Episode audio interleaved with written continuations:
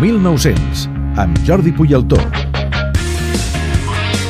Perquè avui, David, em sembla que en Jordi vol parlar d'un fitxatge, però primer no sé si ell recorda amb Lauritsen si va Home. ser una qüestió de posar pasta sobre la taula, fitxar-lo i portar-lo cap a l'Espanyol. Home, estaria, bona tarda, abans de res, estaria, estaria molt bé. És d'aquells jugadors eh, que t'agradaria continuar veient a, a sobre d'un terreny de joc. Com, com el va fitxar l'Espanyol, Jordi?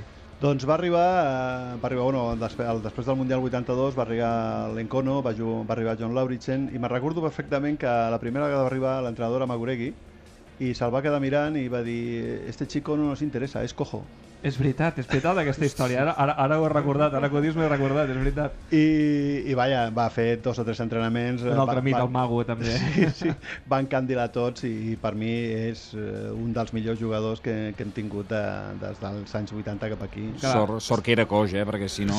Sí, bueno, era la, tenia la seva forma de caminar, però, però vaja, a veure, coix i tot, mm, I per tant, mi... tant. Se, segura, segurament el Lauritsen, eh, m'ho podríem dir, no? És, mm, si no el millor, dels millors fitxatges de la història de l'Espanyol. Però, Sí. atenció, Marc, avui el Jordi ens presentarà el pitjor fitxatge de la història de l'Espanyol. I abans El que ens pitjor. digui el nom, abans Sí. que ens digui el nom, jo us Mm. pregunto a vosaltres, per vosaltres qui ha estat el pitjor fitxatge de la història de l'Espanyol? A veure.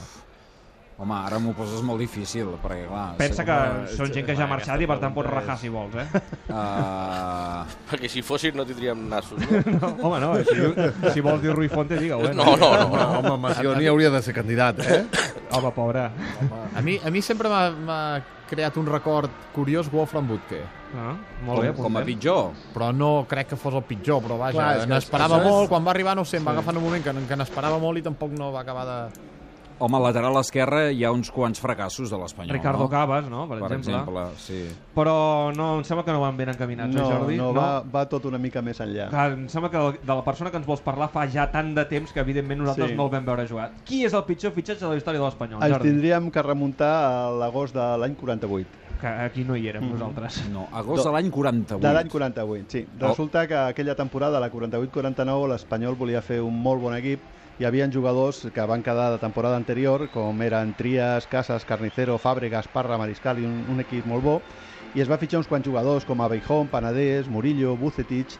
I llavors eh, va arribar una notícia al, a la directiva de l'Espanyol de que havia arribat a Espanya un jugador italià internacional per Itàlia, internacional olímpic, eh, que havia jugat les Olimpiades de Berlín eh, i que, bueno, que era un fora de sèrie i que venia de la Segona Guerra Mundial, que havia entrat per la Junquera, que lògicament hauria estat detingut i havia estava la model de, de Barcelona. Llavors, clar, en coneixement de, de, la seva, de la seva història futbolística, pues el directiu, el president, que era Francisco Sáenz, i l'entrenador, el Pepe Espada, se'n van anar a la, a la model de, de Barcelona. Si van anar a fitxar un jugador Van a anar la presó, eh? A la presó. I es deia aquest senyor, aquest jugador? Es deia Alberto Pizzinato. Alberto Pizzinato. Sí, que era molt, molt important, havia format ala amb un Silvio Piola, que era l'ala esquerra de la selecció de Xurra, i eren... Era, O bueno, sigui, ens era- situem amb el president i l'entrenador espanyol a la model de Barcelona fitxant Exacte. aquest crac italià, ni, eh, ni, ni, l'Alberto Pizzinato. ni, ni menys o menys, on es reunien els abocats amb els detinguts, allà estaven, el van fitxar, li van fer una proposta irrechassable, i sí, sí, va, va fitxar i es van adavantar, mm, al cap d'unes hores va arribar al Girona, amb el seu entrenador, que era un tal Platco, que va ser porter del Barça, i al dia següent va arribar Agust- Agustín Montal per fitxar-lo, van arribar tard, i bueno, eh, tot l'espanyolisme estava contentíssim per fitxar, per fitxar aquest senyor.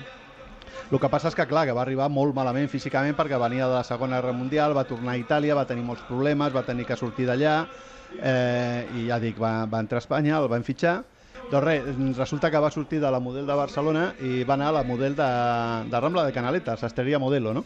Llavors allà el van, el van comprar tota la roba que necessitava perquè físicament estava molt malament i el van portar al xalet, al xalet de Sarrià perquè es recuperés. Lògicament allà estava la família Bosch i que la, la cuinera era Doña Encarna, la, la dona de, de Tim Bosch, i llavors va començar a entrenar. El primer dia que va arribar va sortir al camp a fer una mica de cames amb en Fàbregas i estava el, un redactor de, que es deia Sobiran, que era del diari Marca, que és el que va publicar en, en portada el fitxatge de, de Pizzinato i li va fer una petita entrevista i ell va comentar una, una sèrie de paraules que són aquestes, si puc. Dice, hace año y medio que no juego. pero en cuanto recupere algo de peso y me haya entrenado, creo que podré dar buen rendimiento y recordar con acierto mis mejores temporadas de cuando formaba ala con Piola. Tengo 29 años y no me considero veterano. Y nada más que rogarle a usted haga patente mi emocionado, mi, emocionado agradecimiento a todos los que me han recibido con los brazos abiertos, haciendo alto honor a la reconocida hospitalidad española y a la hermandad del deporte, que no conoce de otras luchas más que las de los terrenos de juego. Déu-n'hi-do. Clar, resulta que bueno, l'expectació que hi havia era un jugador internacional i tal, i bueno, va començar a entrenar, va començar a menjar tot el que li preparava la senyora Encarna, va passar unes setmanes, va recuperar en pes, va passar un mes, va passar mes i mig, i a l'home que no, no sortia a jugar ni a agafar la pilota. Llavors van començar a mosquejar-se una mica els directius i l'entrenador, el Pepe Espada, i ha arribat un moment que físicament ja se'l veia que, que estava dintre en forma, li van dir, mira, eh, surt, juga i a veure què passa, no et preocupis.